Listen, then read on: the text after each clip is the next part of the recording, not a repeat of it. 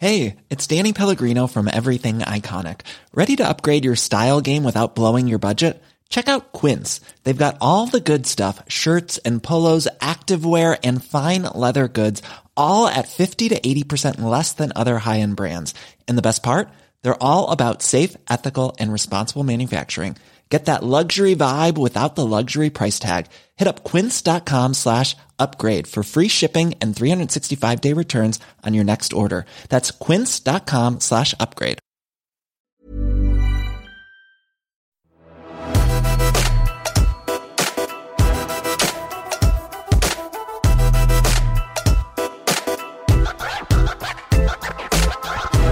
Fikk du med Elon Musk sitt AI-event her om dagen? Og Hvis ikke du gjorde det, så skal du få vite litt mer om det nå, hva jeg mener om det AI-eventet, og ikke minst da, hva jeg tenker om AI og Tesla som sådan. For det Tesla nå skal produsere, er da en robot. og Kanskje du også, som meg, lurte på om det her var en spøk. Altså, Da Elon lanserte roboten, Bot som den skal hete, så var det da i form av et menneske.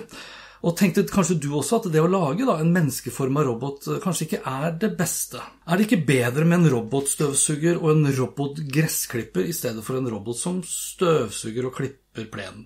Og deretter kanskje da en robot som vanner plenen, en robot som overvåker huset i form av overvåkningskamera, ringeklokker og smartlåser, som f.eks. av Yale Dorman, smartklokker fra Samsung, smarthøyttaler fra Google, smartskjermer osv. osv. osv. Heller flere og mindre roboter som har sine spesifikke gjøremål, fremfor en menneskelignende robot som visstnok da skal kunne gjøre alt. Og hvis Tesla-botten, som visstnok skal ta over mine daglige, repeterende og farlige og til dels kjedelige gjøremål, som f.eks. det å hente matvarene mine på butikken, ja, så skal du fader meg ha god tid. For Tesla-botten, som da vil være ca. 170 cm høy og veie ca. 70 kg, og ha en topphastighet på 8 km i timen, ja, den vil bruke fryktelig mye lengre tid på å hente matvarene mine på butikken i forhold til at jeg henter dem selv. Så fremt da ikke Elon Musk vil lansere en bot som kan kjøre min Tesla Model X til butikken, eller ta i bruk sykkelen vår, eller kanskje til og med elsparkesykkelen.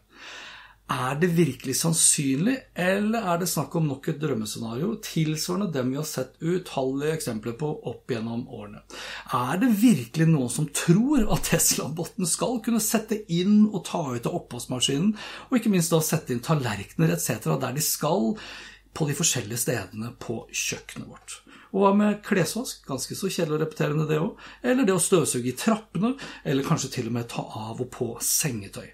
Altså, det er ingen prototype på scenen da Musk lanserte botten i forrige uke på deres da AI-event. Kun en skinny guy i trikot.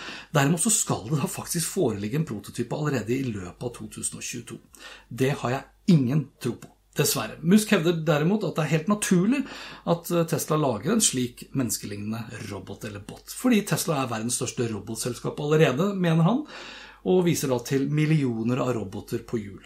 Men bilene er langt fra selvkjørende, langt fra smarte, langt fra en AI-robot. Min robot, altså min Tesla Model X, klarer ikke engang å kjøre vindusviskerne særlig effektivt selv når det f.eks. regner. Og fantombremsingen er jo et kapittel i seg selv, hvor bilen min kan skape trafikkulykker ved å bremse kraftig fordi roboten tror at skyggen foran er et hinder, eller at tunnelen vi er i ferd med å gå inn i, er en vegg. I beste fall vil jeg påstå at dette AI-eventet og lanseringen av botten var et PR-stunt for å få blest og oppmerksomhet rundt deres egenutviklede DN, altså da AI-chipen D1. Og kanskje D1-chipen kan bidra til å fjerne fantombremsingen, fikse de automatiske vindusviskerne og føre Tesla mange riktige steg frem mot en autonom kjøreopplevelse. Personlig så tror jeg mest av alt at dette AI-ventet egentlig ikke handlet om botten, men da om denne D1-chipen, AI som sådan.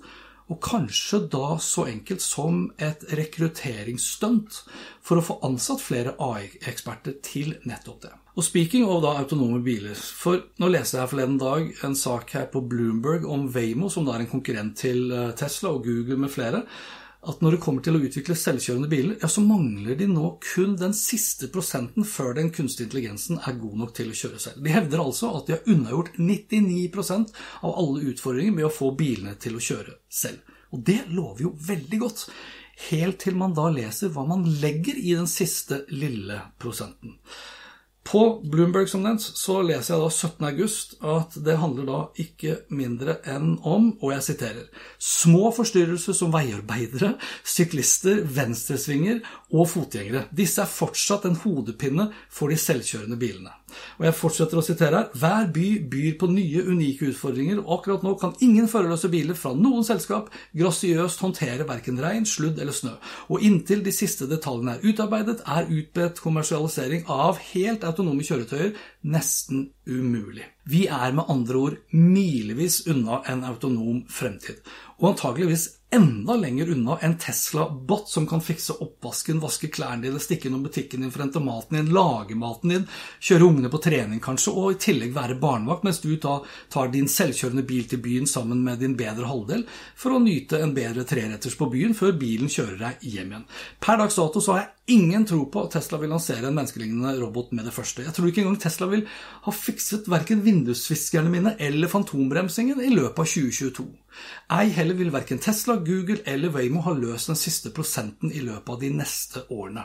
Men at til dels kjedelige, kanskje til og med farlige og ikke minst repeterende gjøremål vil gradvis bli erstattet av mindre og oppgavesentriske roboter i hjemmet, slik som min nye og langt smartere robotstøvsuger Roborock S6 Max V vil gjøre, ja, det tror jeg. Men Tesla-bot 2022 no way. Snakkes, ja.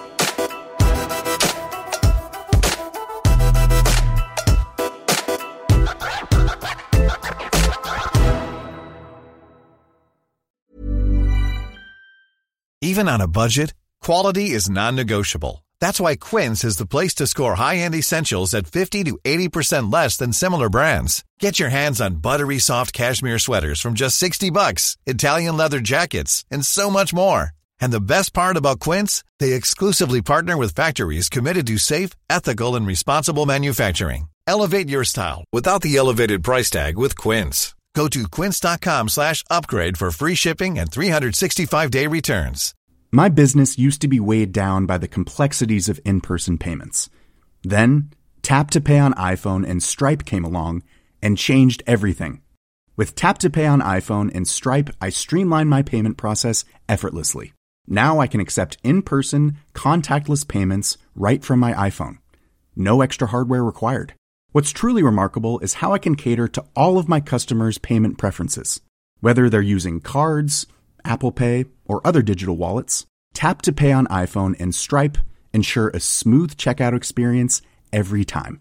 And it's not just me. Stripe helps businesses of all sizes, from local markets to global retailers, scale quickly and stay agile. To learn how Tap to Pay on iPhone and Stripe can help grow your revenue and reach, visit stripe.com slash tap iPhone.